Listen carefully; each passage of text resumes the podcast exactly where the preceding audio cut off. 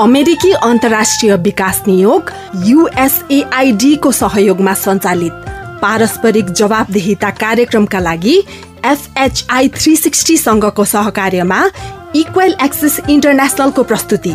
साझा बोली रेडियो बहस।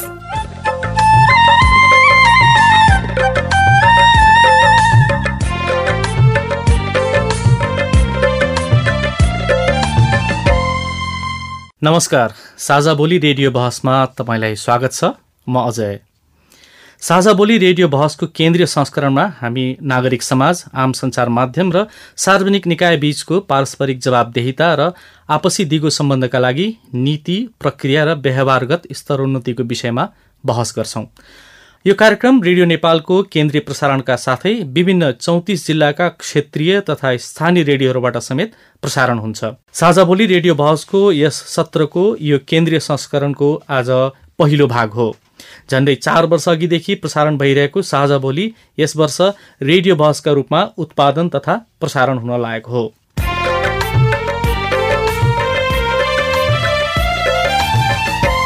साझा बोली रेडियो बहसको आजको भागमा हामी स्थानीय तहको योजना तर्जुमा प्रक्रिया तथा बजेटमा जनसहभागिताको विषयमा बहस गर्दैछौँ। देशभरिका स्थानीय तहहरू अहिले आगामी आर्थिक वर्ष दुई हजार अठहत्तर उनासीको नीति कार्यक्रम र बजेट तयारीको अन्तिम चरणमा छन्। अन्तर सरकारी वित्त व्यवस्थापन ऐन र स्थानीय सरकार सञ्चालन ऐनले सबै पालिकाहरूले असार दस गतिभित्र आउँदो वर्षको नीति कार्यक्रम र बजेट आफ्नो सभामा पेश गर्नुपर्ने र असार मसान्तभित्र पारित गर्न सक्नुपर्ने कानुनी व्यवस्था छ।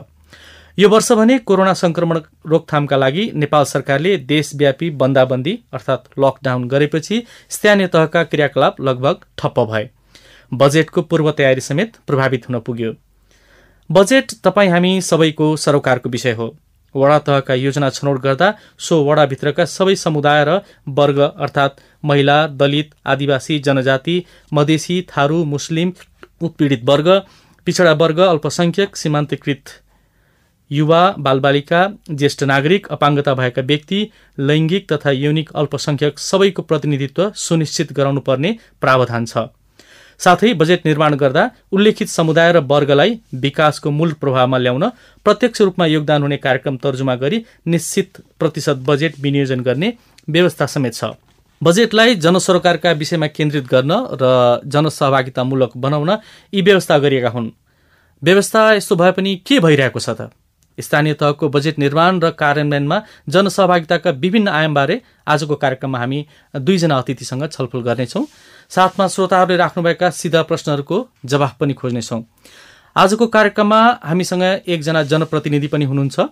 नीति तथा कार्यक्रम र बजेट निर्माणमा उहाँको उल्लेखनीय भूमिका हुन्छ। यसै सन्दर्भमा छलफलको क्रममा उहाँबाट केही प्रतिबद्धता समेत लिनेछौ। साझा बोली रेडियो बहस। अमेरिकी अन्तर्राष्ट्रिय विकास नियोग युएसएआइडी मार्फत अमेरिकी जनताहरूको सहयोगका कारण सम्भव भएको हो। यस कार्यक्रमभित्रका विषयवस्तु र सामग्री पारस्परिक जवाबदेहिता कार्यक्रमका एकल जिम्मेवारी हुन्।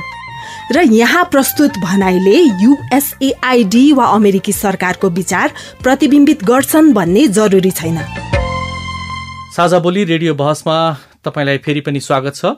स्थानीय तहको योजना तर्जुमा प्रक्रिया तथा बजेटमा जनसहभागिताको विषयमा कुराकानीका लागि आज हामीले दुईजना अतिथिलाई निम्त्याएका छौँ। उहाँहरू हुनुहुन्छ नुवाकोटको बेलकोट गढी नगरपालिकाका उपमेयर कविता ढुङ्गाना। उहाँ नेपाल नगरपालिका सङ्घका उपाध्यक्ष समेत हुनुहुन्छ। त्यसै गरी आजको कार्यक्रमका अर्का अतिथि हुनुहुन्छ डाक्टर थानेश्वर भूषाल।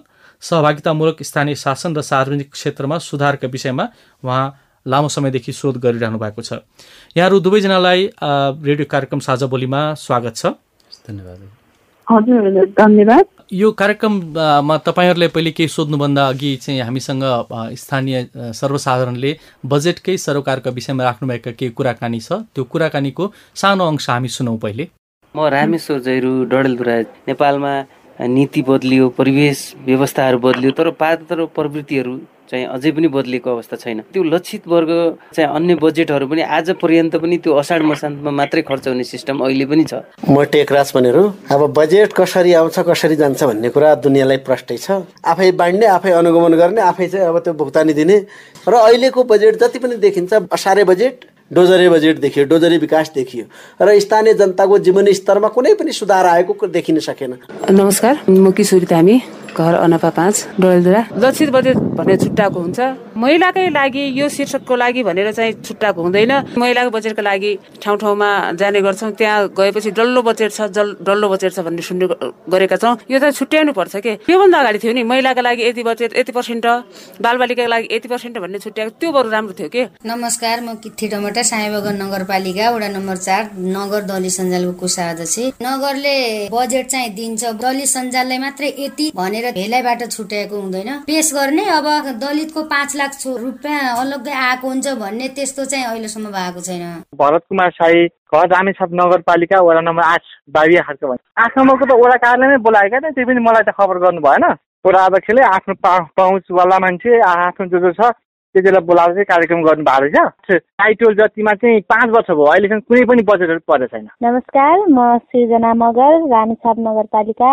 स्थानीय सरकार आएको चार वर्ष भयो तर हाम्रो वडामा हाम्रो टोलमा भने युवा स्वरोजगारको कार्यक्रमहरू कामहरू केही पनि भएको छैन।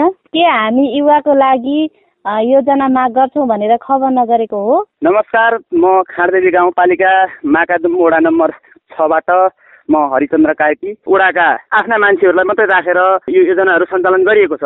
आम नागरिकहरूलाई सूचना सम्प्रेषण गर्ने सूचनाको आधारमा सबै काम गर्ने कुरा चाहिँ अलिक कमी नै मात्रामा देखिएको छ र केही कामका त्रुटिहरू पनि यसमा हुन आएका छन्। हजुर मेरो नाम चाहिँ हरिमाया नेपाली हो। खाडादेवी गाउँपालिका पहिले साबीको छ हो यो। दलित महिला चाहिँ धेरै पछि परिरहेका छन्। हजुर के गर्ने भन्दाखेरि दलित महिलालाई एउटा कार्यक्रम ल्याउने अन्य जाति महिलालाई पनि के काम गर्नुहुन्छ गर्न अब महिला दिदीबहिनीहरूलाई अगाडि बढाउनु पर्यो। आजको कार्यक्रममा म सबभन्दा पहिलो प्रश्न कविताजीलाई राख्न गइरहेको छु र अहिले सुनिसक्नुभयो यो बजेटका बारेमा चाहिँ विभिन्न प्रतिक्रियाहरू आएका छन् विशेष गरेर चाहिँ आफू आफ्नो सहभागिता नभएको विषयमा चाहिँ। यस वर्ष चाहिँ तपाईँको भनौँ न योजना तथा कार्यक्रमको छनौट र बजेट निर्माणको प्रक्रियामा चाहिँ के कस्ता चुनौतीहरू थिए? कोरोनाको कारणले गर्दा सबै ठाउँमा अहिले हामीले सामाजिक दूरी भौतिक दूरी मेन्टेन गर्नुपर्ने भएको कारणले गर्दा टोल टोलमा गएर सबैको कुरा सुन्ने खालको चाहिँ स्थिति अहिले देखा परेको छैन। चुनौती चाहिँ अहिले अब हामीलाई त्यो भयो। तर अहिलेसम्मको प्र्याक्टिसलाई हेरेर हामीले अहिले नगरपालिकाले त्यही कुरालाई चाहिँ समस्या हुन्छ भनेर अहिले प्रोजेक्ट ब्याङ्कहरू चाहिँ बनाइराख्नु भएको अवस्था छ। धेरै नगरपालिका गाउँपालिकाले त्यो बनाइराख्नु भएको छ। त्यसमा चाहिँ पहिलो वर्षदेखि नै कुन कुन योजना चाहिँ प्राथमिकीकरण हो भनेर क्रमबद्ध ढङ्गले चाहिँ त्यसलाई व्यवस्थित गरिसकेपछि टोल टोलमा पुग्न नसक्दाखेरि पनि त्यो योजनाहरू क्रमिक रूपमा पर्ने त्यो खालको चाहिँ त्यो चुनौतीलाई चाहिँ त्यसरी सामना गर्दै लिएर गएको अवस्था पनि छ र अब त्यसरी लिएर जान सकियो भने जस्तो कि अब तपाईँले भन्नुभयो होइन कोरोनाले गर्दा यसपालि भने जस्तो काम गर्न सकिएन। तर यसअघि त अब भनौँ कोरोनाको यस्तो यो यो चुनौती त थिएन नि। तर त्यतिखेर पनि यो जनगुनासो थियो। बिस वर्षसम्म जनप्रतिनिधि नभएको एउटा व्यापकको अवस्था थियो। त्यो बेलामा भने कर्मचारीले चलाइराखेको अवस्था थियो नि त। हो त्यति बेला जनप्रतिनिधि छैनन् कर्मचारीले चाहिँ आफ्ना चाहिँ अब नजिक मान्छे कोही अफिसमा आउने मान्छेहरूको चाहिँ योजना हाल्ने त्यो खालको हुन्थ्यो पहुँच पुग्दैन थियो तर अहिले त स्थानीय जनताले नै उहाँहरूले नै जिताउनु भएको जनप्रतिनिधि त एउटा वडामा त पाँचजना हुनुहुन्छ मिनिमम पनि। अहिले पनि बजेटको लागि भनेर त हामी त सिंहदरबार त जानु परेको छैन नि। उहाँले भन्नुभएको जस्तो सबै कुरा गर्न सकिएको पनि छैन त्यो थाहा छ। तर पछिल्ला दिनहरूमा अब उहाँहरूको कुरालाई नै सुनेर मध्यनजर गरेर झन् हाम्रा कामहरूलाई चाहिँ प्रभावी ढङ्गले तल तलसम्म लिएर गएर उहाँहरूको समेत कुरालाई सुनेर चाहिँ योजनाहरूलाई चाहिँ बजेटमा कार्यान्वयन गर्ने किसिमले लैजानुपर्ने हाम्रो आवश्यकता पनि हो। त्यसो हो भने बजेटमा चाहिँ सीमान्तकृत र अल्पसङ्ख्यक वर्ग र समुदायलाई निश्चित प्रतिशत बजेट विनियोजन गर्नुपर्ने व्यवस्था छ। तपाईँहरूले यसपालि यस्तो गर्नुभयो? पहिलाको बजेटको परिपाटी र अहिलेको बजेटको परिपाटी फेरि त्यो फरक छ। नयाँ संविधान आउनुभन्दा अगाडि चाहिँ केन्द्रबाट त्यो योजनाहरू बजेटहरू पठाउँदै गर्दाखेरि चाहिँ लक्षित वर्गलाई यति पर्सेन्ट यति उति पर्सेन्ट भन्ने हुन्थ्यो। तर अहिले चाहिँ जब यो संविधान बन्यो त्यसपछि यो संविधानले परिकल्पना गरे अनुसारको चाहिँ कुनै पालिकामा त तपाईँको त धेरै पर्सेन्ट छुटाउनु पर्ने आवश्यकता नै हुनसक्छ नि। कुनैमा थोरै छुट्याउनु पर्ने हुनसक्छ। तर अहिले त्यति पर्सेन्ट भन्ने छैन तर उहाँहरूको चाहिँ आवश्यकता हेरेर बजेटहरू व्यवस्थापन गरिराखिएको हुन्छ। मसँग यहाँ यो सङ्घीय मामिला तथा सामान्य प्रशासन मन्त्रालयले यही असार चार गते जारी गरेको एउटा पत्र छ स्थानीय सरकारहरूलाई स्थानीय तह सबैजनालाई लेख्नुभएको पत्र। यसमा चाहिँ यो तोकिएकै छ। मैले यो पढेँ। स्थानीय तहको आगामी आर्थिक वर्षको कार्यक्रम एवं बजेट निर्माण गर्दा उल्लेखित वर्ग र समुदायलाई विकासको मूल प्रभावमा ल्याउनको लागि प्रत्यक्ष रूपमा योगदान हुने कार्यक्रम तर्जुमा गरी निश्चित प्रतिशत बजेट मैले फेरि भने यो निश्चित प्रतिशत बजेट विनियोजन गर्ने व्यवस्था हुन निर्णय अनुसार अनुरोध छ भनेर उहाँहरूले तोकेर लेख्नु भएको छ। भन्नुभयो यति पर्सेन्ट छुट्याउ भनेर भन्नुभएको छैन। पनि मन्त्रालयले यति पर्सेन्ट छुट्याउ भनेर हामीलाई भन्नु पनि मिल्दैन। किनभने मन्त्रालयले भने हामीलाई सहजीकरण गर्ने हो होइन? त्यो अनुरोध गर्ने कुरा त्यो ठिक छ। महिलाहरू महिला कुरा भने हामीले अबन्डा बजेट राख्दैनौँ। त्यसमा चाहिँ छुट्याइएको हुन्छ। त्यो त बजेटको त निश्चित पर्सेन्ट त हो त। बालबालिकाको लागि भनेर हुन्छ त्यो धेरै ऊ हुन्छ त्यसको पर्सेन्ट निकाल्यो भने निश्चित पर्सेन्ट त निक्लिहाल्छ। तर यति नै पर्सेन्ट पहिला जसरी परिपाटी थियो नि बालबालिकाको लागि चाहिँ दस पर्सेन्ट महिला दिदीबहिनीहरूको लागि पन्ध्र पर्सेन्ट भने त्यस्तो निस्तो परिपाटी चाहिँ छैन। तलको पब्लिक र त्यहाँको जनप्रतिनिधिको चाहिँ सामञ्जस्यतामा कुराकानीमा चाहिँ त्यो छुट्याउन सकिन्छ। जो मसँग यहाँ स्टुडियोमा डाक्टर भूषाल हुनुहुन्छ डाक्टर भूषाल यहाँ स्थानीय तहको नीति कार्यक्रम र बजेट निर्माण प्रक्रियामा आम नागरिकको सहभागिताका लागि के कस्ता नीतिगत व्यवस्था छ अन्त? नीतिगत हिसाबले भन्दा अघि म कविताजीसँग केही हदसम्म सहमत के हुन सक्छु भने नेपालमा अहिले स्थानीय सरकार सञ्चालन दुई हजार सत्र छ त्यसले चाहिँ स्थानीय तहहरूलाई चाहिँ इन्डिपेन्डेन्टली उहाँहरूले आफ्नो तरिकाले चाहिँ बजेट तथा कार्यक्रमहरू तर्जुमा गर्न सक्ने एउटा एउटा इन्स्टिट्युसनल फ्रेमवर्क चाहिँ प्रदान गरेको छ। नीतिकै हिसाबले हेर्दाखेरि चाहिँ स्थानीय तहहरूले आफ्नो परिस्थितिलाई हेरेर उहाँहरूले आफ्नो किसिमको बजेटरी फ्रेमवर्कहरू बनाउन सक्नुहुन्छ। बस्ती स्तरमा गएर पनि हामी चाहिँ छलफल गर्नुपर्ने कानुनी व्यवस्था छ। त्यो नीतिगत व्यवस्थै भनौँ त्यो चाहिँ एक किसिमको अनौपचारिक फोरम हो। त्यहाँ टोल भेला हुन्छ। टोल भेलामा चाहिँ जोसुकै मानिसहरू पनि त्यहाँ आउन सक्छन्। त्यसलाई चाहिँ परिमार्जन गरिसकेपछि त्योभन्दा माथिल्लो तह वडा तहमा गएर चाहिँ फेरि छलफल गर्ने त्यसलाई वडा भेला भन्ने गरिन्छ। त्यो चाहिँ स्थानीय सरकार सञ्चालन ऐनमा प्रष्ट रूपमा वडा तहमा गएर गर्नुपर्ने भन्ने नीतिगत व्यवस्था पनि गरेको छ।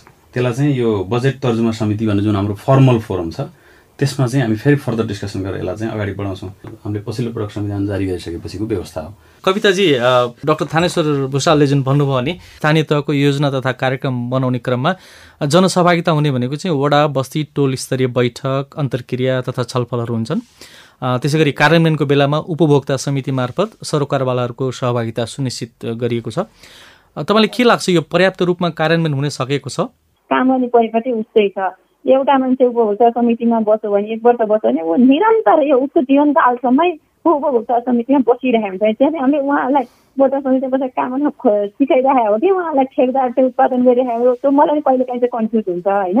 त्यो चाहिँ समस्या देखा परेको छ एउटा मान्छेको चाहिँ नियमित कामै वर्षैभरि उपभोक्ता समितिमा बस्ने काम गर्ने त्यो खालको एउटा देखिएको छ।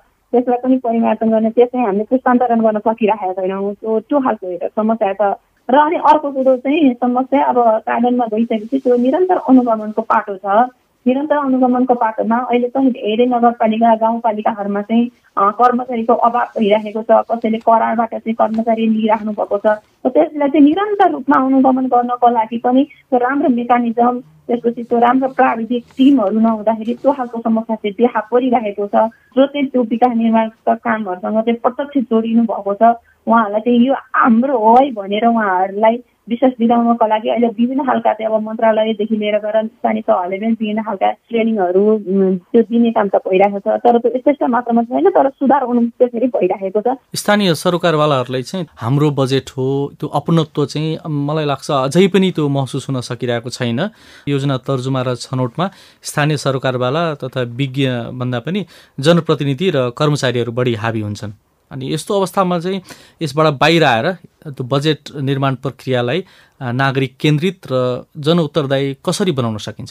टोल टोलमा भेला गर्ने बेलामा नै तपाईँले भन्नुहुन्छ भने त्यो चाहिँ पहुँचमै नभएका मान्छेहरूलाई त्यहाँसम्म लिएर आउन पनि त्यो समस्या भइरहेको छ। अलि आउने त त्यस्तो काठा बाठा नै हुन्छ नि क्या। लेभलको मान्छे पनि त्यो योजना प्रक्रियामा चाहिँ छनौट भएर चाहिँ योजनामा चाहिँ छनौट भएर आउनुपर्छ। हो त्यसको लागि जनप्रतिनिधिहरूले त्यो खालको भूमिका निर्वाह गर्नुपर्छ। यो बजेट चाहिँ मेरो पनि हो है। यो चाहिँ मैले कर तिरेको बाट आएको हो भन्ने चाहिँ उहाँलाई फिल भइसकेपछि त्यहाँ काम गर्दै जाँदाखेरि त्यहाँ बस्ती स्तरबाटै उहाँले गर्न सक्नुहुन्छ नि अनुगमन। कविताजी सिद्धान्त त चाहिँ राम्रो सुनिन्छ तर व्यवहारमा त्यस्तो भइरहेको छ तपाईँले भन्नुभयो जस्तो। भइरहेको चाहिँ छैन तर ठाउँ ठाउँबाट त सुरुवात भइसकेको छ। त्यसैले चाहिँ निरन्तर तर एकैचोटि सकिन्न नि। तपाईँको चाहिँ पिडमा भएको कुरालाई पहिला मानिसलाई चाहिँ त्यो पनि हाम्रै मान्छे भने यहाँ स्वीकार्दै स्वीकार्दैनन्। त्यो स्थिति त बिस्तारै बनाउँदै लैजानुपर्छ नि। एकैचोटि त मैले हम्बाल्टो भने सकिँदैन। त्यसलाई बिस्तारै लैजानुपर्छ तर नसकिने भन्ने कुरा त हुँदैन। फेरि त्यो सकिएको पनि छ र सक्नु पनि पर्छ हामीले। विपत्ति बाजा बजाएर आउँदैन। गर्मीमा आगलागी डढेलो वर्षामा बाढी पहिरो भूकम्प कोरोना र अरू पनि। साँच्ची विपदबाट तपाईँ हाम्रो गाउँघर कति सुरक्षित छ? तपाईँको पालिकाले विपद पूर्व तयारी के कति गरेको छ? विपद आइहालेमा उद्धार र प्रतिकार्यको लागि तपाईँको समुदाय तयार छ त? विपद बारेमा तपाईँका यस्तै प्रश्न प्रतिक्रिया टिप्पणी वा गुनासा छन् भने हामीसँग बाँड्नुहोस्। छलफल गरौँ समस्याको हल खोजौँ प्रश्नको जवाफ मागौँ। तपाईँले हामीलाई पैसा नलाग्ने नम्बरमा फोन गरेर आफ्ना कुराहरू भन्न सक्नुहुन्छ। एनसेल प्रयोग गर्नुहुन्छ भने अन्ठानब्बे शून्य पन्ध्र एकहत्तर शून्य उन्तिसमा फोन गर्न सक्नुहुन्छ। एनटिसी प्रयोग गर्नुहुन्छ भने सोह्र साठी शून्य एक शून्य शून्य चार पाँच नौमा फोन गर्न सक्नुहुन्छ। अथवा Boli Sajha at the rate Gmail dot com BOLI SAJHA at the rate Gmail dot कममा इमेल गरेर वा मेरो रिपोर्ट र साझा बोलीको फेसबुक युट्युब ट्विटर टिकटक पोस्टहरूमा सेयर लाइक वा कमेन्ट गरेर पनि आफ्ना कुराहरू भन्नु सक्नुहुन्छ। पारस्परिक जवाफदेहिताका लागि प्रश्न सोधौँ जवाफ खोजौँ। साझा बोली रेडियो बहस। तपाईँ अहिले रेडियो नेपालको केन्द्रीय प्रसारणबाट साझा बोली रेडियो बहस सुन्दै हुनुहुन्छ।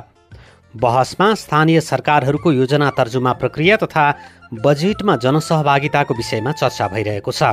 बहसमा हुनुहुन्छ नेपाल नगरपालिका सङ्घका उपाध्यक्ष तथा नुवाकोटको बेलकोट गढी नगरपालिकाका उपमेयर कविता ढुङ्गाना र सहभागितामूलक स्थानीय शासन र सार्वजनिक क्षेत्रमा सुधारका विषयमा शोध गरिरहनुभएका विद्या बारिदी उपाधि प्राप्त डाक्टर स्थानेश्वर भूषाल एउटा प्रश्न म डक्टर भूषाललाई राख्न खोजिरहेको छु। यो हाम्रो यहाँको स्थानीय शासन व्यवस्थालाई अझ प्रभावकारी बनाउन चाहिँ के गर्न सकिन्छ? अन्यत्रको तपाईँको अब शोधहरूले देखाएको। अब कतिपय नगरपालिका गाउँपालिकाहरूमा चाहिँ त्यो जनसहभागितामूलक निर्णय प्रक्रियालाई स्तरोन्नति गर्न भनौँ न यसभन्दा अगाडि भएको सिस्टमलाई चाहिँ अझै बढी स्ट्रेन्थन गर्नलाई चाहिँ धेरै प्रयासहरू भएको जस्तो देखिन्छ भने कतिपय ठाउँमा चाहिँ अलिकति कर्मचारी तन्त्रले गाँजे जस्तो अथवा जननिर्वाचित प्रतिनिधिहरूमा पनि अलिकति म भए जस्तो। होइन हामीले सबै समस्या जानेकै छौँ बुझेकै छौँ किन गाउँमा फिल्डमा जानु पऱ्यो भन्ने किसिमको कुराहरू पनि यो बिचमा चाहिँ मैले आफैले कन्ट्याक्ट गरेका इन्टरभ्यूहरूमा पनि त्यो मैले सुनेको छु होइन।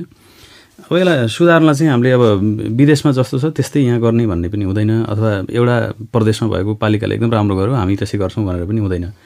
त्यो सम्बन्धित स्थानीय तहको त्यहाँको भूगोल त्यहाँको जनसङ्ख्या त्यहाँको चाहिँ शैक्षिक स्तर त्यहाँको आर्थिक अवस्था यी सबै कुरालाई मध्यनजर गरेर चाहिँ केही न केही हामीले रणनीतिहरू चाहिँ तय गरिहाल्नुपर्छ कि जस्तो लाग्छ। त्यसमध्ये पहिलो चाहिँ हामीले गर्न सक्ने काम अहिले तत्कालै के देख्छु मैले भने खास गरी हामीले यो इन्डियाको केरलामा जुन प्लानिङ प्रोसेस छ त्यहाँ चाहिँ एकदमै संसारका धेरै स्कलरहरूले अध्ययन पनि गरिरहेका छन्। र अहिले पछिल्लो समय हामीले कोभिडको बेलामा पनि यो केरलामा यो जनसहभागितामूलक निर्णय प्रक्रिया चाहिँ जुन किसिमको स्पिड लियो त्यसलाई चाहिँ धेरै मान्छेहरूले प्रशंसा गरेका छन्।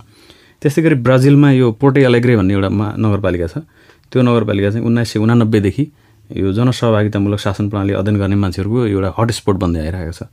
त्यहाँ पनि त्यसबाट पनि हामीले केही कुराहरू सिक्न सक्छौँ। त्यो दुवै दुइटै देश ब्राजिल र भारत चाहिँ एकदमै कोरोनाले गाँजिएको एक्ज्याक्टली एक्ज्याक्ट हो र अर्को चाहिँ उनीहरू दुइटै देश सङ्घीय देश पनि हुन्। त्यस त्यसबाट हामीले केही लेसनहरू चाहिँ हामी लर्न गर्न सक्छौँ। अब मैले मोटामोटी चाहिँ मलाई के लाग्छ भने जस्तो हामीले साँच्चीकै जनसहभागितामूलक बजेट तर्जुमा प्रक्रियालाई बढी नै प्रभावकारी बनाउनु छ भने हामीसँग भएका पाँच किसिमका जनसहभागितामूलक मेकानिजमहरू छन् अहिले लोकल लेभलमा। एउटा सभा छ त्यहाँ चाहिँ रिप्रेजेन्टेटिभ पार्टिसिपेसन हुन्छ त्यहाँ प्रतिनिधिमूलक पार्टिसिपेसन हुन्छ जनसहभागिता हुन्छ। त्यहाँ अहिले हाम्रो जननिर्वाचित हाम्रा स्थानीय दाजुभाइ दिदीबहिनीहरू नै भनौँ न उहाँहरू निर्वाचित हुनुहुन्छ।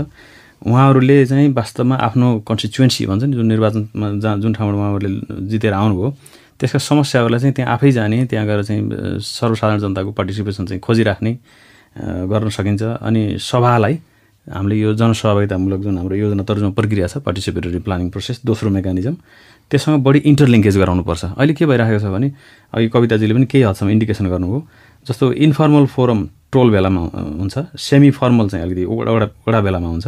र फर्मल फोरमहरू जुन हामीले नगरपालिका स्तरमा आइसकेपछि गर्छौँ त्यसको लिङ्केज चाहिँ योजना तर्जुमा प्रक्रियासँग त्यति धेरै छैन। सभासँग त्यति धेरै लिङ्केज गर्न सकेका छैन। त्यसलाई चाहिँ हामी भविष्यमा कसरी अलिक फङ्सनल्ली अब सेरेमोनियल हिसाबले स्ट्रक्चर हिसाबले त पनि छ तर फङ्सनल्ली चाहिँ योजना तर्जुमा प्रक्रियाबाट आएका कुराहरूलाई कसरी सभामा लिएर जाने भन्ने विषयमा चाहिँ अलिकति हामी काम गर्नुपर्छ जस्तो लाग्छ।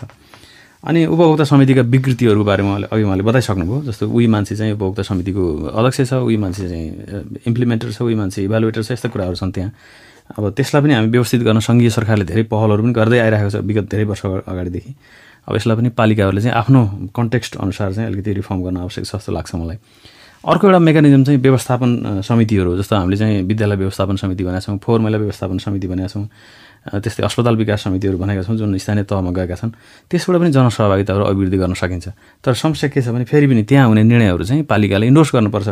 अब प्रब्लम अथवा हामीले रिफर्म गर्दाखेरि हामीले ध्यान दिनुपर्ने कुरो के भयो भने व्यवस्थापन समितिले गर्ने कामहरूलाई चाहिँ सभामा कसरी लिङ्केज गर्ने? किनभने सभा नै अल्टिमेट र एकाउन्टेबल एउटा मेकानिजम भएको हुनाले हामी त्यतातिर जानुपर्छ जस्तो लाग्छ। त्यस्तै हामी समय समयमा चाहिँ खास गरी तपाईँले जुन फोकस गरिराख्नु भएको छ अहिले आजको छलफल यो वार्षिक बजेट तर्जुमा त्यसमा चाहिँ विषयगत समितिहरू पनि बनाउँछौँ सेक्टरल पोलिसीको लागि चाहिँ। त्यसमा हुने डिस्कसन त्यसमा हुने डेलिब्रेसनहरूलाई चाहिँ पनि हामी सभामा लिङ्केज गर्न सकिरहेका छैनौँ। यदि विदेशका पनि कुराहरूलाई हेर्ने हाम्रो यसभन्दा अगाडिका जस्तो दुई हजार दुईदेखि दुई हजार सोह्रसम्म जति बेला स्थानीय निकायहरू कर्मचारी तन्त्रबाट चाहिँ सञ्चालन गरिए त्यति बेलाका केही गुड प्र्याक्टिसहरूलाई पनि हामीले इनहेरिट गर्ने जस्तो अघि हामीले सुरुमा सुनेको क्लिपहरूमा महिलाका लागि छुट्याउन सकिन्थ्यो दलितका लागि छुट्याउन सकिन्थ्यो त्यो एउटा इन्स्ट्रुमेन्टल हुन्थ्यो। त्यतातिर हामी लाग्नुपर्छ जस्तो लाग्छ। र मलाई अर्को भन्नै मन लागेको एउटा विषय के हो भने हामी चाहिँ पार्टिसिपेसनलाई दुई किसिमले हेर्नुपर्छ। जन जननिर्वाचित प्रतिनिधिहरूले यो बुझ्नुभएको छ। एउटा चाहिँ प्रेजेन्स त्यसको उपस्थिति। महिला उपस्थित हुनुभयो कि भएन दलित उपस्थित हुनुभयो कि भएन अथवा मार्जिनलाइज कम्युनिटी कम्युनिटीको मान्छेहरू उपस्थित हुनुभयो कि भएन त्यो चाहिँ एउटा प्रेजेन्सको हिसाबले उपस्थितिको हिसाबले हेर्नुपर्छ। र अहिलेको हाम्रो जति पनि स्ट्रक्चरहरू बनाएका छन् ती त्यो प्रेजेन्समा बढी केन्द्रित छन्। दुईजना महिलाहरू उभिनुभयो भने त्यो चाहिँ सहभागितामूलक भयो। अथवा दलित कम्युनिटीको कोही एकजना मान्छे आएर बस्नुभयो भने त्यो चाहिँ भयो। तर हामीले हेर्नुपर्ने यदि साँच्चीकै जनसहभागितामूलक नै बनाउने हो भने हामीले भोइसलाई हेर्नुपर्छ आवाजलाई। त्यो कम्युनिटीको आवाजलाई चाहिँ यो सभा मार्फत हामीले कति सुन्न सक्यौँ थ्रु डिफ्रेन्ट च्यानल्स। त्यो कुरा चाहिँ तिर हामीले चाहिँ अलिकति स्ट्राटेजिक रिफर्महरू अगाडि बढायौँ भने अब हजुरले सोधे जस्तो यो अझै बढी प्रभावकारी बनाउन सकिन्छ जस्तो लाग्छ मलाई। कविताजी अब यो तपाईँहरूको अब जनप्रतिनिधिहरूको कार्यकालको यो अन्तिम बजेट हो। जनप्रतिनिधिहरू अब मतदाता रिजाउनेतर्फ केन्द्रित हुन्छन् किनभने अब फेरि स्थानीय चुनाव नजिकै आउन थालिसक्यो। यो सन्दर्भमा यसपटकको बजेट विनियोजन समानुपातिक र सन्तुलित हुन सक्छ? बजेटै बाँडेर मात्रै पनि चुनाव जितिने भन्ने त होइन नि त फेरि तर कतै न कतै प्रभावित चाहिँ हुन्छ। अहिलेसम्म त हामी भने त जनप्रतिनिधि हो नि। यसको पार्टीको उसको पार्टीको भन्ने छैन हामी त चुनाव जितेर आइसकेपछि त हामी त साझा व्यक्ति भएर बसिसकेका छौँ नि। तर अहिलेकै बजेटमा हामीले त्यसरी लैजानु हुँदैन। र यदि त्यस्तो लग्या छ भने अब हामीले चाहिँ अझ नेता नेपाल नगरपालिका सङ्घको तर्फबाट हामीले अगाडि पनि अब यस्तो खालको आउनसक्छ तपाईँ यसो नगर्नुहोस् भनेर हामीले ध्यान आकर्षण त्यहाँ फेरि गराइ पनि राखेको अवस्था छ। त्यसको लागि भने चाहिँ जनता नै अलिक बढी सचेत हुनुपर्छ र त्यसको प्रतिकार गर्नुपर्छ जस्तो मलाई लाग्छ। एकछिन फेरि हामी चाहिँ स्थानीय सर्वसाधारणले राख्नुभएका केही कुराहरूको एउटा अंश सुन्छौँ। नमस्कार मेरो नाम रञ्जना चौधरी नेपालगञ्ज बाँकेबाट सामाजिक विकासतर्फको बजेट चाहिँ जम्मै रकमान्तर गरेर अन्य क्षेत्रतिर लगेर खर्च गरेको भनेर हामीले सुन्न पाइरहेका छौँ। यो आगामी आर्थिक वर्षको बजेटमा चाहिँ यस्तो नहोस्। जुन क्षेत्रलाई भनेर छुट्याएको बजेट हो त्यही क्षेत्रमा कार्यान्वयन होस् भन्न चाहन्छु। नमस्कार मेरो नाम करिश्मा बोगटी म बाँकीबाट। मलाई यसको बारेमा केही जानकारी त छैन त्यति। बिहान साँझ एक एक घन्टा खाली भए पनि अब दिनभरि अफिस हुन्छ आफ्नो। मेरो नाम दुर्गा प्रसाद सुवेदी हो। म बाँकीमा बस्छु। घरेसी कामले गर्दाखेरि फुर्सद हुन्न विकास निर्माण राम्रोसँग ल्याइदियो हुँदो जस्तो लाग्छ मलाई। ल्याइसक्यो भने राम्रै ल्याएको होला नमस्कार म गोमा केसी लिगु गाउँपासी नमस्कार लाडु। कहिले पनि कुनै पनि मान्छेहरूले एउटा सामाजिक हिसाबले आफ्ना कुरालाई स्वतन्त्रपूर्वक राख्न पाएको छैन। झन् यो अब अर्थनीतिसँग त कार्यपालिकाले संविधानले व्यवस्था गरे अनुरूप नै गर्न पाउने हो। त्यसो हुँदा यस सबैको सहभागिता हुनु हुँदैन भन्ने नै खालको कुराले उहाँहरूले यसलाई बाइपास गरेरै गएको परिस्थिति छ। नमस्ते म गणेश बुढाथोकी भिमेश्वर नगरपालिका दोलखा। नगरपालिकाले योचोटि चाहिँ सामाजिक सञ्जालको प्रयोग गरेर फोनबाट मेलबाट पनि आफ्नो ठाउँको समस्याहरू के छ? हामीलाई राख्न सक्नुहुन्छ भनेर सूचना प्रकाशित गरेको थियो। तर आम मानिसहरू जो सामाजिक सञ्जालमा जोडिनु भएको छैन उहाँहरूलाई चाहिँ यो विषयमा जानकारी पनि भएन। नमस्कार म देविका थामी बिगु गाउँपालिका वडा नम्बर आठ। यो लक्षित बजेटको कार्यक्रमको लागि चाहिँ हामीले पनि के के बजेट के अरे योजनाहरू चाहिँ तयार बनाएको थियौँ। तर हामीलाई चाहिँ थाहा नदिकन अब सुटुक्क अब पालिकामा त हामीलाई कहिल्यै गर्नुहुन्न तर वडामा वडा स्तरमा पनि हामीलाई चाहिँ त्यस्तो खबर नदिकन अब एकदम थाहा पाउँछ जस्तो गरेर उहाँहरूले चाहिँ बजेट चाहिँ अब यहाँको कार्यक्रम चाहिँ अब सकाइसकेको छ तर केही पनि थाहा छैन हामी यसपालिको चाहिँ जनसहभागिता गराउनको लागि चाहिँ तपाईँले कुन कुन प्रक्रिया अपनाउनु भयो? खासमा चाहिँ कोभिडको सन्दर्भले पनि जुन चुनौतीहरू थिए नि त्यसलाई अलिकति छोटकरीमा हामीलाई बताइदिनु न कविताजी। यो चाहिँ फेरि असाध्यै विडम्बनाको कुरो पनि हो।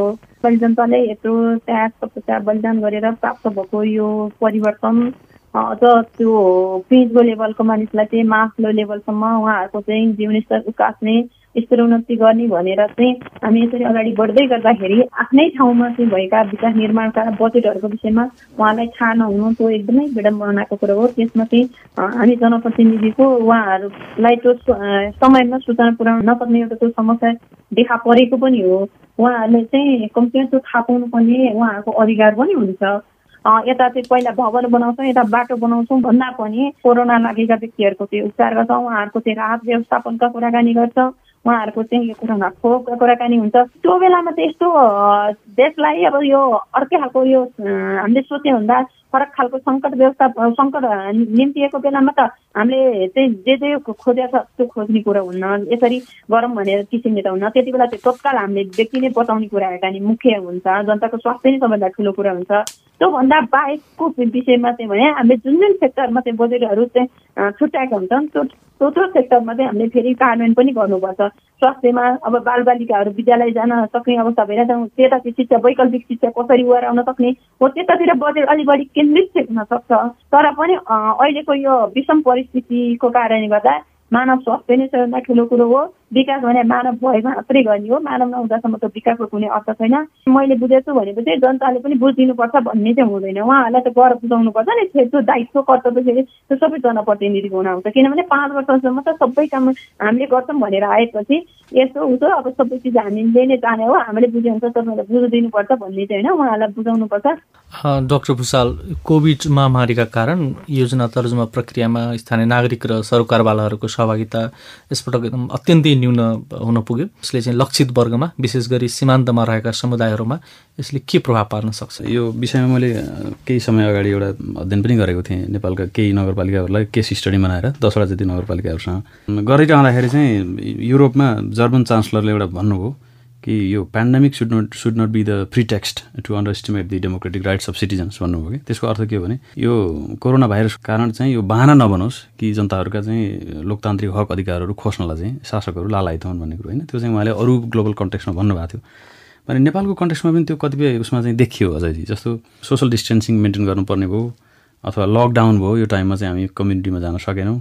त्यसले गर्दा हाम्रो बुद्धि विवेकले जति हामीलाई देखाएको थियो त्यही हिसाबले हामीले बजेट बनायौँ भन्नुभयो गत वर्षको मैले अध्ययन गरेको नगरपालिकाहरूमा पनि। अनि यो वर्ष पनि त्यो कुरा दोहोरियो अनफर्चुनेटली सेकेन्ड वेभ आयो अहिले पनि होइन? ठ्याक्कै यही बजेट मेकिङकै टाइममा त्यसले गर्दाखेरि त्यो जनताको निर्णय प्रक्रियामा सहभागी हुनुपर्ने जुन डेमोक्रेटिक राइट छ संविधानले प्रदान गरेको त्यो चाहिँ अलिकति खुम्जियो अब पूर्ण रूपमा चाहिँ उहाँहरूलाई बन्देजै त लगाइएको होइन किनभने सम्भव भएसम्म धेरै नगरपालिका गाउँपालिकाहरूले त्यो कोसिस गर्नुभएको हो। तर जनसहभागितामूलक निर्णय प्रक्रिया भनेको उसले भनेको सबै कुरा सुनवाई हुनुपर्छ भन्ने होइन। किनभने नगरपालिकाका आफ्नै किसिमका लिमिटेसन्सहरू छन्। रिसोर्सको लिमिटेसन छ इम्प्लिमेन्टेबिलिटी छ कि छैन त्यसको कारण हुनसक्छ कि सक्दैन। त्यसको लिमिटेसन छ। अरू पोलिटिकल म्यानेजमेन्टका कुराहरू पनि हुनसक्छन्। तर मात्रै के हो भने त्यो जनता जो अर्डिनरी मान्छे जसको कुनै संस्थागत पहिचान छैन एकदमै सर्वसाधारण मान्छे हो ऊ चाहिँ यो निर्णय प्रक्रियाका हरेक स्टेजमा सहभागी हुन पाउनुपर्छ। कोभिडले गर्दाखेरि चाहिँ यो खास गरी सोसल डिस्टेन्सलाई हामीले अगाडि सार्यौँ र यसलाई बहाना बनायौँ र हामीले चाहिँ जनताको माझमा जान सकेनौँ। तर अब फेरि कविताजीसँग के सहमत हुन्छु भने अब फेरि जनताको जीवधनको सुरक्षा चाहिँ फेरि महत्त्वपूर्ण कुरा हो। डेमोक्रेटिक राइट त त्यसपछि आउँछ सेकेन्डरी कुरा हुनसक्छ होइन? त्यसले गर्दाखेरि चाहिँ हामीले दुई वर्ष लगातार हामीले स्थानीय सरकारका पाँचवटा बजेटहरू अब यो वर्षदेखि हेर्दैछौँ। त्यसमध्ये दुईवटा बजेटमा चाहिँ जनताको सहभागिता असाध्यै न्यून भएको वा हुँदै नभएको त्यो जनताको सहभागिता चाहिँ उपस्थितिको हिसाबले चाहिँ भौतिक दूरी मेन्टेन गर्नुपर्ने अवस्था बाध्यताले गर्दाखेरि हो। तर नगरपालिकाहरूले आफ्नो माध्यमद्वारा आफ्नो टेलिफोन होला आफ्नो डिजिटल टुल्सहरू केही युज गर्नुभएको होला ती टुल्सहरूबाट पनि त्यो मार्जिनलाइज कम्युनिटीको अथवा स्टेक होल्डरको भोइसलाई त्यसको आवाजलाई चाहिँ प्रतिनिधित्व गराउन सकेको भए ती बजेटहरू मिनिङफुल नै भयो होलान्। र जनताको चाहिँ राइटको पनि रेस्पेक्ट भयो होला एटलिस्ट होइन? नत्र भने चाहिँ यो कोभिडले अरू क्षेत्रतिर जसरी प्रभाव पारिरहेको छ त्यसले पनि यो जनताको निर्णय प्रक्रियामा सहभागी हुन पाउने अधिकारलाई पनि खुम्च्याएको भन्न सक्छु म। कविताजी यो डक्टर भूषालले भनिरहनु हुँदाखेरि चाहिँ तपाईँले के लाग्छ? जसरी यो न्यून सहभागिता भएको सन्दर्भमा सेवा प्रवाह र यो सुशासनको गुणस्तरमा यसले केही नकारात्मक प्रभाव पार्न सक्छ? विभिन्न वैकल्पिक माध्यमहरूबाट फेरि नगरपालिकाहरूले जनसहभागिताको चाहिँ खोजिराखेको अवस्था हो। जस्तै रेडियो अब अहिले त अब सबैको हातमा लगभग मोबाइल छ रेडियोहरू बजाउनु हुन्छ त्यहाँ चाहिँ अब सूचना चाहिँ प्रसारणहरू हुने त्योबाट भइरहेको हुन्छ। त्यसपछि अब अब एउटा सामान्य मानिसले त अब हेर्न नसक्ला तर त्यो सामाजिक सञ्जाल मार्फतबाट पनि त्यो गइराखेको हुन्छ। केही नगरपालिका अब हामीहरूले नै पाँचजना जनप्रतिनिधि वडामा हुनुहुन्छ भने उहाँहरूलाई चाहिँ निश्चित बिस बाइसवटा घर दिने एकजना व्यक्तिलाई बिस बाइसवटा घर दिने। त्यो मानिसहरू त त्यहाँ त भौतिक दूरी कायम गरेरै पनि उहाँहरूको कुरा त सुन्न सक्नुभयो नि। अहिले गाउँमा अलिक कम जनसङ्ख्या भएको ठाउँमा चाहिँ त्यो अलिक सहज पनि हुने रहेछ। त्यसरी पनि निर्णय प्रक्रियामा उहाँहरूलाई सहभागिता चाहिँ अब त्यसरी गरिएको छ। तर सुन्ने सहभागिता त्यस्तो हुँदै नभएको भन्ने चाहिँ होइन। त्यस कारणले गर्दा यो दाना बनाएर उहाँहरूको चाहिँ अधिकारमाथि चाहिँ कुण्ठित गर्न खोजेको चाहिँ होइन। तर परिस्थिति नै त्यस्तो सिर्जना हो। तर पनि हाम्रा चाहिँ वैकल्पिक उपाय विधिहरू छन् भने त्यसलाई म्याक्सिमम् रूपमा चाहिँ युज गरेर उहाँहरूको चाहिँ आवाजहरूलाई चाहिँ हाम्रो बजेट प्रक्रियामा चाहिँ प्रतिनिधित्व गराउनुपर्छ र त्यो केही मात्रामा गराइएको अवस्था पनि छ। अब एकैछिन फेरि हामी जिल्लाबाट प्राप्त केही अंशहरू सुन्छौँ। त्यस पछाडि फेरि छलफल जारी राखौँला। मेरो नाम देवीगोटा खातुन मेरो घर दासगढी नगरपालिका वडा नम्बर आठ। म चाहिँ नगर स्तरीय मधेसी मुस्लिम पिछडा वर्गको अध्यक्ष मेची महाकाली बुहारी संस्था जिल्ला शाखा वैदियाको अध्यक्ष पनि हो। मलाई थाहै भएन म गएकै छुइनँ हामीलाई बोलाउन पनि बोलाउन नगरपालिकाले यसको आर्थिक नीति सम्बन्धी कार्यक्रममा हामीले बोलाएन थाहा पाएपछि त भन्थ्यौँ होइन कस्तो लाग्यो कस्तो छ भन्थ्यो अब थाहा नथ्यो पाएको कुरा त कसरी भन्ने होला नमस्कार। म सन्जिता चौधरी बढियाताल गाउँपालिका छ महिनाको घर। अहिलेको जुन बजेट छ त्यो हामीलाई अलिकति जानकारी भएर त्यो गराएको भए हामीले सबै समुदायहरूलाई समस्या हल गर्नलाई सहज हुन्थ्यो जुन हामी सबै जनताहरू कृषिमा आधारित भएको कारणले हामी अब कृषि सम्बन्धी योजना बनाएर पेस गर्न सक्छौँ भन्ने लाग्छ। म सन्तोष बास्तोला म रूपान्तरण युवा सञ्जालको संयोजक। अहिले म युवा तथा विद्यार्थीहरूको क्षेत्रमा काम गरिरहेको छु र एउटा समाजमा ती सकारात्मक कामहरू होस् भन्ने म कार्यमा संलग्न छु। सर्वप्रथम त स्थानीय समुदाय स्थानीय समाज स्थानीय टोल त्यहाँको जनप्रतिनिधिहरू नै स्वयं तपाईँको जवाबदेही हुनुपर्छ र साथसाथै सम्पूर्ण जनताले पनि त्यो विनियोजित भएको बजेटको कार्यान्वयनको सन्दर्भमा त्यसलाई चासो एउटा चासो दिएर हेर्ने त्यहाँको स्थानीय समुदायले त्यो विकास मेरै निम्ति हो हाम्रै निम्ति हो हाम्रै नगरको निम्ति हो हाम्रै टोलको निम्ति हो भन्ने एउटा त्यो अपनत्व खालको त्यो भावनाको विकास भयो भने असम्भव भन्ने छैन त्यो पूर्ण रूपबाट कार्यान्वयन हुन्छ। यसै सन्दर्भमा कविताजीलाई अहिलेको जुन सुन्नुभयो यो क्लिप्सहरू जनप्रतिनिधि सरकारी कर्मचारी नागरिक समाजका प्रतिनिधि र सञ्चार माध्यमको पनि यसमा भूमिका हुन्छ। तपाईँहरूले के कस्तो भूमिका अपेक्षा गर्नुहुन्छ र यो हुन सक्यो कि सकेन? हामी अब जनप्रतिनिधि त भयौँ तर बढी भूमिका त अब हाम्रो हुन्छ। तर जनप्रतिनिधि हो भन्दैमा त्यहाँका चाहिँ सञ्चार माध्यम सरकारी कर्मचारी नागरिक समाज त्यसपछि यो व्यवस्थापन समितिहरू शिक्षकहरू त्यसपछि विभिन्न खालका यी व्यक्तिहरूकोलाई चाहिँ इन्टरलिङ्केज गरेर लिएर जान सक्यो भने पक्कै पनि उहाँहरूसँग सम्म चाहिँ यो बजेटको योजना प्रक्रियाहरूको विषयमा चाहिँ छलफल चलाएर लिएर जान सक्यो भने जन उत्तरदायी बजेट बनाउन सकिन्छ। त्यतातिर धेरै नगरपालिकाहरू लागि पनि रहनु भएको छ र त्यसरी लाग्नु पनि पर्छ जस्तो मलाई लाग्छ। हजुर म डाक्टर भूषाललाई एउटा प्रश्न राख्न गइरहेको छु यो महालेखा परीक्षकको कार्यालयको प्रतिवेदनले सरकारका सबै तहमा वित्तीय अनुशासन र सुशासनको समस्या औल्याएको छ यो सर्वविविध नै छ। जस्तै अब यो वर्षान्तमा हतार हतार खर्च गर्ने असारे बजेट खर्च गर्ने भन्ने अब स्थानीय चलन चल्तीको भाषामा बनिने अर्को चाहिँ एकदम अत्याधिक प्रशासनिक खर्च आन्तरिक नियन्त्रण प्रणाली र रेखा प्रणाली प्रभावकारी हुन नसकेको अनुगमन र मूल्याङ्कन पद्धति प्रभावकारी हुन नसकेको लगायतका छन्। बजेटलाई पारदर्शी र जनसहभागितामूलक कसरी बनाउन सकिन्छ? त्यो प्रतिवेदन तयार गर्ने कर्मचारीहरूको विज्ञतामा पनि भर पर्ने कुरा हो कति धेरै उहाँहरूले विश्लेषण गरेको कुराहरू निकाल्नु भएको छ भन्ने। किनभने जुन किसिमको बजेटको हामीले क्लासिफिकेसन गर्छौँ प्रशासनिक खर्च अनि पुँजीगत खर्च त्यसपछि हाम्रो चाहिँ अरू दायित्वको कुराहरू त्यसलाई चाहिँ प्रशासनिक खर्च बढ्नुका केही कारणहरू छन् यो पछिल्लो वर्षको स्थानीय सरकार सञ्चालनको उ हेर्ने हो भने चाहिँ। खास गरी उहाँहरूलाई चाहिँ नयाँ भवनहरू बनाउनु पर्ने अवस्था छ। त्यो बनाउन सकिराख्नु भएको छैन। अनि त्यो भाडामा बस्नु पऱ्यो भाडामा बस्ने खर्च चाहिँ त्यो चालु खर्चतिर जान्छ। त्यसले प्रशासनिक खर्च भनेको देखाउँछ। त्यसलाई चाहिँ कतिको विश्लेषण गरिएको छ? हामी प्रत्येक वर्ष उही रिपोर्टलाई कपी पेस्ट गर्दै जाँदा पनि त्यसले चाहिँ त्यति राम्रो म्यासेज दिँदैन। अब स्थानीय तहका अरू पनि पब्लिक प्रेसरहरू छन्। जस्तो कविताजीले भन्नुभयो नि दुई हजार दुईदेखि सोह्रसम्म कर्मचारीले चलाएको स्थानीय शासन। जब चुनाव भयो हुने बित्तिकै जनताको अपेक्षा एकाएक बढ्यो। त्यसलाई एड्रेस गर्नलाई चाहिँ क्यापिटल बजेटले भन्दा करेन्ट बजेटले नै हो। प्रशासनिक खर्चले नै त्यो कुराहरू एड्रेस गर्ने थियो। त्यो कारणले पनि बढेको हुन सक्यो। तर यति भनिराख्दाखेरि फेरि त्यो खर्चहरू पूर्ण रूपमा चाहिँ नियमित थियो त्यो आवश्यक पर्ने खर्च थियो मैले भन्न भन्न खोजेको छैन कि। मिहिन अध्ययन गरेर त्यसको चाहिँ अलिकति एकाडेमिक किसिमको चाहिँ पेपरहरू निकाल्यो भने हेर्न सकिन्छ कि जस्तो लाग्छ मलाई एउटा कुरा। अर्को जुन यो असारे खर्च भन्नुभयो यो चाहिँ यसलाई सुधार गर्न आवश्यक छ। अब लोकल गभर्मेन्टहरू आफैमा अटोनोमस गभर्मेन्टहरू हुन् अहिले। उनीहरूले आफ्नो परिस्थिति अनुसार चाहिँ असारमै बजेट ल्याउनुपर्छ भन्ने छैन। स्थानीय सरकार सञ्चालन अहिले त्यसरी बाध्यकारी व्यवस्था बनायो भने अब जनप्रतिनिधिहरूले त्यो रिफर्म गर्न अलिकति इनिसिएसन जनाउने हो कि। मनाङमा अहिले आवश्यक छ कि छैन? अथवा रूपन्देहीमा कहिले गर्ने हो? होइन यो चाहिँ यो स्थानीय सरकार सञ्चालन ऐनले त्यहाँ भन्यो भन्दैमा गरिहाल्ने कि त्यसमा भएका व्यवस्थाहरूलाई चाहिँ संशोधन गर्दै जाने ताकि त्यो असारमा जुन हुने जुन खर्चको भोलि हुन्छ त्यसलाई हामी कम गर्न सक्छौँ भन्ने लाग्छ मलाई। भनेको लोकल कन्टेक्स्ट स्पेसिफिक बजेट मेकिङतिर हामी लाग्नुपर्छ। स्थानीय सरकार सञ्चालन ऐनमा चाहिँ टोल विकास संस्थाहरू टोल सुधार समितिहरू भन्नु उहाँले टोल विकास संस्थाहरू भनेर लेखाएको छ धारा छ दुई सय छत्तिस कतिमा त्यसले चाहिँ के एउटा परिकल्पना गरेको छ भने स्थानीय तहका जन जनताहरूलाई जो साँच्चीकै लेम्यान हो उसलाई चाहिँ मोबिलाइज गर्नलाई चाहिँ टोल विकास संस्थाको ठुलो भूमिका हुन्छ।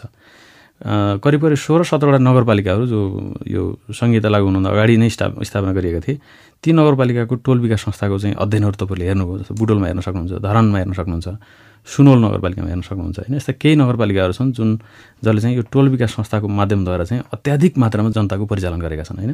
त्यसबाट पनि के प्रष्ट हुन्छ भने त्यो नगरपालिकाहरूमा बस्ने जनताहरूले त्यो नगरपालिकाले बनाएको बजेटको सबै अंश थाहा पाएका छन्। अब उनीहरूले भने कि सबै कुरा बजेटमा नपरेको होला।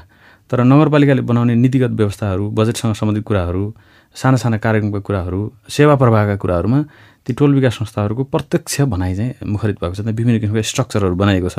अहिले पछिल्लो पटक तिलोत्तमा नगरपालिकामा पनि यो किसिमको अभ्यास हामीले देख्न सक्छौँ। यो कोभिडको बेलामा अथवा यो यो जुन बजेटलाई चाहिँ अलिकति एकाउन्टेबल बनाउनु पर्ने जुन प्रश्न तपाईँको छ यसमा चाहिँ स्टेक होल्डरको धेरै ठुलो भूमिका छ। जनप्रतिनिधिहरूले चाहिँ अलिकति प्रशासक जस्तो बन्नु भएन। उहाँहरूले अलिकति इनोभेटिभ तरिकाले अलि अलि नवप्रवर्धनात्मक कुराहरू चाहिँ ल्याउनु पऱ्यो पाँच वर्षको बजेटको तपाईँ एनालाइसिस अहिले मैले गर्दैछु मेरो आफ्नो रिसर्चको लागि चाहिँ। हेऱ्यो भने निकै थोरै नगरपालिकाहरूले मात्रै नयाँ कुरा ल्याउनु भएको छ कि? उयो पुरानो कुरालाई नयाँ रिप्यारा फ्रेजिङ गरेर अथवा बजेटको भोल्युम घटाएर बढाएर त्यो मात्रैले त्यो नयाँ रिइनोभेसन देखाउँदैन। अब लोकल गभर्मेन्टलाई अटोनोमस छोडिसकेपछि जस्तो उदाहरणको लागि चाहिँ अहिले यही कोभिडको बेलामा पनि हामी डिजिटल प्लेटफर्म बनाएर पनि जनताको सहभागिता सुनिश्चित गर्न सक्थ्यौँ। हाम्रो नगरपालिकाको वेबसाइटहरूमा चाहिँ त्यो जो जो साक्षर शिक्षित मान्छेहरू थियो जसका इन्टरनेट पाउँथ्यो त्यसले त कम्तीमा आफ्नो भनाइ राख्न सक्थ्यो। अथवा उसले घरमा कोही छोरो छोरी जान्ने छ भने उसले बुवा आमाको भनाइलाई पनि त्यहाँ रिफ्लेक्ट गर्न सक्थ्यो। तर कुनै पनि नगरपालिकामा त्यो पार्टिसिपेटोरी डिजिटल टुल छैन। भने नि जुन इन्डियामा ब्राजिलमा अब अरू देशका तुलना गरेर हुँदैन। भए पनि हामीसँग चाहिँ त्यो क्यापेबिलिटी थियो हामी गर्न सक्थ्यौँ। सरकारी कर्मचारीमा पनि के छ भने त्यो नेतालाई चाहिँ कर्मचारी जस्तो बनाइहाल्ने। तुरुन्तै चाहिँ त्यो ब्युरोक्रेटाइजेसन भन्छु म त्यस्तो गराइहाल्ने। उहाँहरूलाई पनि इनोभेटिभ हुन नदिने। कानुनले रोक्छ हजुर बनाइहाल्ने यस्तो किसिमको प्रचलन छ होइन? यसबाट पनि हामी कर्म सरकारी कर्मचारीको भूमिका पनि अलिकति रचनात्मक बनाउनलाई उहाँहरूले चाहिँ नेताहरूलाई अथवा इलेक्टेड लिडरहरूलाई चाहिँ अलिकति स्पेस बढिदिनु पर्थ्यो। तपाईँले गरेपछि के हुँदैन हजुर भनेर अथवा त्यो किसिमको कानुनहरू बनाउनु पर्थ्यो। सङ्घीय मामिला मन्त्रालयले बनाएका नमुना कानुनलाई कपी पेस्ट गरेर त्यहाँ लोकल कानुन बनाउँदैमा त्यो इनोभेसन हुँदैन। त्यहाँ त सङ्घीय सरकारले कति नै बढी कानुनहरू बनाइदिन सक्छ र आफै पनि त इनोभेटिभ तरिकाले बनाउन सक्थ्यो। त्यसमा चाहिँ सरकारी कर्मचारीहरूले अलिक बढी रोल प्ले गर्न सक्थे। फेरि त्यो स्थानीय हरेक स्थानीय तहको चाहिँ आफ्नो आफ्नो आवश्यकताहरू हुन्छ फरक फरक आवश्यकता हुनसक्छ फरक आवश्यकता अनुसार फरक कानुन नीतिहरू बनाउनु पर्ने हुनसक्छ हो तपाईँले भन्नुभयो जस्तो चाहिँ अधिकांश ठाउँमा चाहिँ त्यही कपी पेस्ट गर्ने नै हो। मलाई एउटा बिटर अनुभव मैले एकदम छोटो समयमा भन्छु। एउटा जिल्लामा मैले मेरो आफ्नो अध्ययनको क्रममा मैले के देखेँ भने त्यहाँ चाहिँ त्यो जिल्लाको कुनै एउटा पालिकाले एउटा कुनै कानुन बनाउन चाह्यो। त्यहाँको कर्मचारी तन्त्रको नेतृत्वमा त्यो कानुनको ड्राफ्ट बनाइयो होइन। जब निर्णय गर्ने स्टेजमा हामी पुग्यौँ त्यति बेला चाहिँ त्यहाँका एकजना एकदमै सिनियर लेभलको प्रतिनिधिले के भन्नु भने तपाईँले बनाएको कानुन त राम्रै रहेछ। तर यो कानुन त सङ्घीय मन्त्रालयले नमुना कानुनको रूपमा त राखेको छैन। भनेपछि हामीले कसरी गर्न सक्छौँ भन्नुभयो कि? त्यसले के जनाउँछ भने हामी चाहिँ हामीले हाम्रै कर्मचारी तन्त्रको कारणले चाहिँ धेरै जसो इलेक्टेड लिडरसिपलाई पनि हामी ब्युरोक्रेटाइज गरिरहेछौँ जस्तो मलाई लाग्छ। त्यो आफैमा खराब नहुन सक्छ। कतिपय अवस्थामा चाहिँ त्यो ब्युरोक्रेटिक हुँदा पनि त्यसले केही लिमिटेसनहरू खडा गर्छ। त्यहाँको परिस्थितिको चाहिँ कुराहरूलाई चाहिँ विश्लेषण गर्ने क्षमता बढाउन सक्छ। तर इनोभेसन चाहिँ हुन दिन्न। भन्नुको अर्थ यसरी पनि अर्थ्याउन सक्यो कि संविधान र विभिन्न कानुनहरूले स्थानीय जनप्रतिनिधिहरूलाई दिएको अधिकारको त्यो कति उहाँहरू शक्तिशाली हुनुहुन्छ भन्ने कुराको आकलन उहाँहरूलाई नै छैन जस्तो लाग्छ। छैन नै छैन। अब कन्क्लुजन नपुगौँ होइन? त्यो आकलन गर्नलाई चाहिँ पाँच वर्ष कम भयो कि? जस्तो बिचमा चुनाव भ्याकुम नभएको भए आजसम्म पन्ध्र वर्षमा जुन किसिमको निखारिँदै आएको लिडरसिप हुन्थ्यो उसले धेरै नयाँ किसिमको लिडरसिप ल्याउन सक्थ्यो कि होइन? अथवा अघि कविताजीले पनि इन्डिकेसन गर्नुभएको थियो सबै कुरा एकैचोटि त कहाँ सम्भव हुन्छ र? बिस्तारै गर्दै जाने हो। भनेपछि अबको अर्को कार्यकालमा सायद अलिक बढी इनोभेटिभ कुराहरू हामी भेटाउँछौँ कि होइन? अहिले पनि कुनै कतिपय नगरपालिकाबाट राम्रो कामहरू भएको छन् भन्ने र फाइनली चाहिँ सञ्चार माध्यमको कुरा एउटा हामीले क्लिपमा पनि सुन्यौँ मैले थाहै पाइनँ भन्ने कुराहरू। यो जनसहभागिता बढाउने नै हो भने हामीले चाहिँ यो भाषिक हिसाबले यो लिङ्ग्विस्टिक इन्क्लुजनमा पनि हामी अलिकति जानुपर्छ। मैले हालसालै एउटा पेपर पनि पब्लिस गरेको छु journal of regional and federal स्टडिजबाट निस्किएको छ। त्यसमा हामीले के भनेका छौँ भने यो सङ्घीय शासन प्रणाली चाहिँ भाषिक समावेशिताका लागि असाध्यै राम्रो एउटा हाम्रो प्लेटफर्म हो। किनभने हामी नेपालमा एक सयभन्दा बढी भाषाहरू बोल्छौँ। लोकल कम्युनिटीहरू नै हुन् ती भाषाहरू बोल्ने। अब स्थानीय तहको बजेट मेकिङको प्रोसेसमा चाहिँ त्यो सम्बन्धित भाषा त्यो भाषाबाटै हामीले चाहिँ त्यो मेसेजहरू दिन सकेको भए अथवा त्यस्ता किसिमका जुन प्लेटफर्महरू छन् मैले टोल भेला भने वडा भेला भने अथवा बजेट तर्जुमा समितिहरू त्यहाँ चाहिँ तत्त भाषा बोल्ने मान्छेलाई पनि हामी स्पेस दिन सक्ने र त्यसको ट्रान्सलेसन पनि उपयुक्त तरिकाले गरेर सभामा चाहिँ त्यसको लिङ्केज गराइदिन सक्ने। यस्तो किसिमको क्षमता पनि यो हुनु हुनुपर्छ हामीमा र त्यसको लागि चाहिँ सञ्चार माध्यमहरूले भूमिका निर्वाह गर्न सक्छन्। भाषिक हिसाबले चाहिँ कम्युनिकेसनहरू गरिदिएर। त्यो अब अर्को चाहिँ टोल भेला कहिले हुन्छ वडा भेला कहिले हुन्छ हामीलाई थाहै भएन भन्ने कुरा यो कोभिड होइन अरू बेला पनि यो जनगुनासो आइरहेको छ। त्यसकै लागि चाहिँ घाम लागेको दिनमा उपयुक्त ठाउँमा दिउँसो खाना खाइसकेपछि दस बजे एघार बजेपछि ढिलो नहुने गरी सकभर चाहिँ त्यो ठाउँ चाहिँ अलिकति कन्भिनियन्ट त्यो सवारी साधन जान सक्ने वा हिँडेर जाने भए पनि सजिलोसँग जान सक्ने ठाउँमा त्यस्तो कुराहरू अर्गनाइज गर्नुपर्छ। एकदम सानो सानो कुराहरू छ कि? तर हामी के गर्छौँ भने हामीलाई पाएको पर्ने पालिकाको वडामा छ ल आइदिनुहोस् भनिदिन्छौँ। अथवा फलाउनु सामुदायिक भवनमा छ आइदिनुहोस् भन्छौँ त्यहाँ जान सक्ने मान्छेहरूको पहुँच कि छैन? सवारी साधनहरू हामीले व्यवस्था गरेका छौँ छैनौँ? इन एडभान्स त्यसको इन्फर्मेसन हामीले पब्लिकलाई दिएका छौँ कि छैनौँ? दिएको भए कस्तो टोनमा हामीले दिएका छौँ? अनि नगरपालिकाबाट प्रस्तुत गरिने जुन टोल लेभलमा गएर प्रस्तुत गर्ने जुन भाषा छ त्यो चाहिँ हामी कतिको कम्प्लेक्स भाषा प्रयोग गर्छौँ। त्यहाँ गएर हामी बासलात होइन बेरुजु यस्ता कुराहरू गऱ्यो भने त त्यहाँको आम सर्वसाधारणले बुझ्नुहुन्न नि त। त्यो त एकदमै सरल भाषामा बोल्न सक्ने मान्छेहरू हुनु पऱ्यो लिङ्ग्विस्टिक हिसाबले पनि अरू प्लेन हिसाबले पनि। त्यस कारण चाहिँ यो रचनात्मक जुन सहयोगको कुरा तपाईँले क्वेसन निकाल्नुभयो यो धेरै एक्टरहरूले धेरै समय लगाएर क्रिएटिभ तरिकाले गर्नुपर्ने काम हो र यसको लागि टाइम लाग्ला। तर टोल विकास संस्था मात्र एउटा यस्तो मेकानिजम हो जसले चाहिँ यो कम्युनिटी मोबिलाइजेसनलाई खास गरी बजेट मेकिङमा बजेटको इम्प्लिमेन्टेसनमा यो असारमा हुन नदिनलाई पनि त उहाँहरूले पहल गर्न सक्नुहुन्छ नि। यसमा चाहिँ बढी भूमिका छ जस्तो मलाई लाग्छ। हुन्छ आज स्टुडियोसम्म आएर आफ्नो विचारहरू राखिदिनु भयो। यसका लागि यहाँलाई धेरै धेरै धन्यवाद। हस् धन्यवाद यहाँलाई। हामी साझा बोली रेडियो बहसको अन्त्यमा आइपुगेका छौँ। साझा बोली रेडियो बहसबारे मनमा लागेका कुरा भन्नको लागि एनटिसीको मोबाइल वा ल्यान्डलाइन फोन प्रयोग गर्नुहुन्छ भने सोह्र साठी शून्य एक शून्य शून्य चार पाँच नौमा फोन गर्न सक्नुहुन्छ। एनसेल प्रयोग गर्नुहुन्छ भने अन्ठानब्बे शून्य पन्ध्र एकहत्तर शून्य दुई नौमा फोन गर्नुहोला। यी नम्बरहरूमा फोन गरेको पैसा लाग्दैन र प्राप्त निर्देशन अनुसार प्रश्न सोध्न सकिन्छ। पारस्परिक जवाफदेहिताबारे आफूले देखे सुने या भोगेका कुनै कुरा लेख अडियो सेल्फी भिडियो मार्फत व्यक्त गर्न चाहनुहुन्छ वा अरूका ब्लगहरू पढ्न चाहनुहुन्छ भने W W W dot Mero report dot नेटमा पनि लगइन गर्न सक्नुहुन्छ। साझा बोली रेडियो बहस तपाईँले मेरो रिपोर्ट वेबसाइट पोडकास्ट च्यानल र सामाजिक सञ्जालहरूमा पनि सुन्न सक्नुहुन्छ। हवस् त आजको साझा बोली रेडियो बहसबाट अब बिदा हुने बेला भयो। आज हामीले स्थानीय तहको योजना तर्जुमा प्रक्रिया तथा बजेटमा जनसहभागिताको विषयमा खरो कुराकानी गऱ्यौँ आजको कार्यक्रममा बजेटको तर्जुमा र यसको कार्यान्वयनलाई जनउत्तरदायी बनाउन र आम सर्वसाधारणसम्म सूचना प्रवाह गर्न थप कदमहरू चाल्नुपर्ने विषयमा हामी सहमत भएका छौँ। र त्यससँगै आजका हाम्रा अतिथि नुवाकोटको बेलकोट गढी नगरपालिकाका उपमेयर एवं ने, नेपाल नगरपालिका सङ्घका उपाध्यक्ष कविता ढुङ्गानाले अब आउँदा दिनमा सीमान्तकृत समुदाय र वर्गको सहभागिता बढाउन थप कदमहरू चाल्नु चाल्ने प्रतिबद्धता व्यक्त गर्नुभएको छ। आशा छ यी प्रतिबद्धताहरू पुरा हुनेछन्। हवस् त आजको कार्यक्रमबाट बिदा हुन्छौँ। नमस्कार।